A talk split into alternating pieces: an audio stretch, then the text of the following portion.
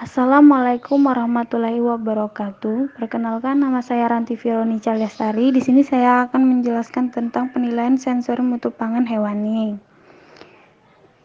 Yang pertama warna. Warna daging adalah salah satu kriteria penilaian mutu daging yang dapat dinilai langsung.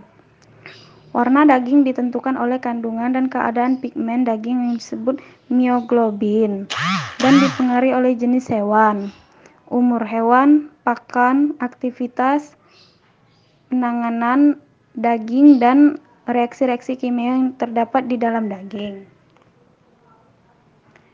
Yang kedua, aroma.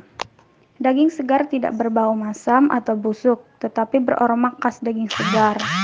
Aroma daging segar dipengaruhi oleh jenis jenis hewan, pakan, umur daging, jenis kelamin, lemak, dan lama waktu dan kondisi penyimpanan.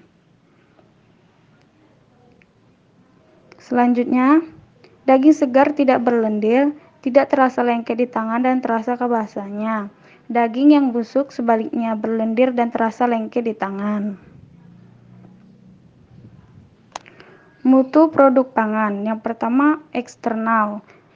Um, kriteria mutu yang dapat diindra atau dilihat, diraba tanpa harus dicicip, seperti warna, bau, bau aroma, ukuran, bentuk, dan penampilan.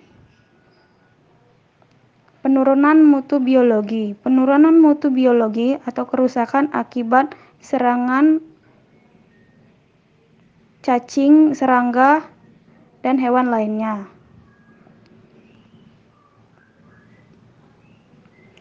Mutu internal.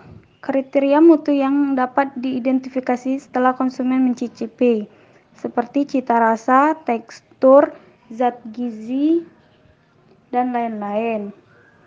Penurunan mutu biologi. Contoh kerusakan, kerusakan fisik, dan fasilitas kerusakan lanjutnya. Contoh penurunan mutu fisik.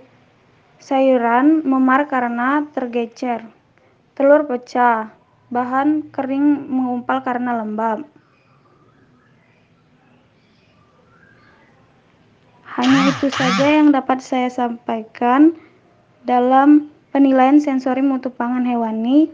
Lebih kurang saya mohon maaf. Wassalamualaikum warahmatullahi wabarakatuh.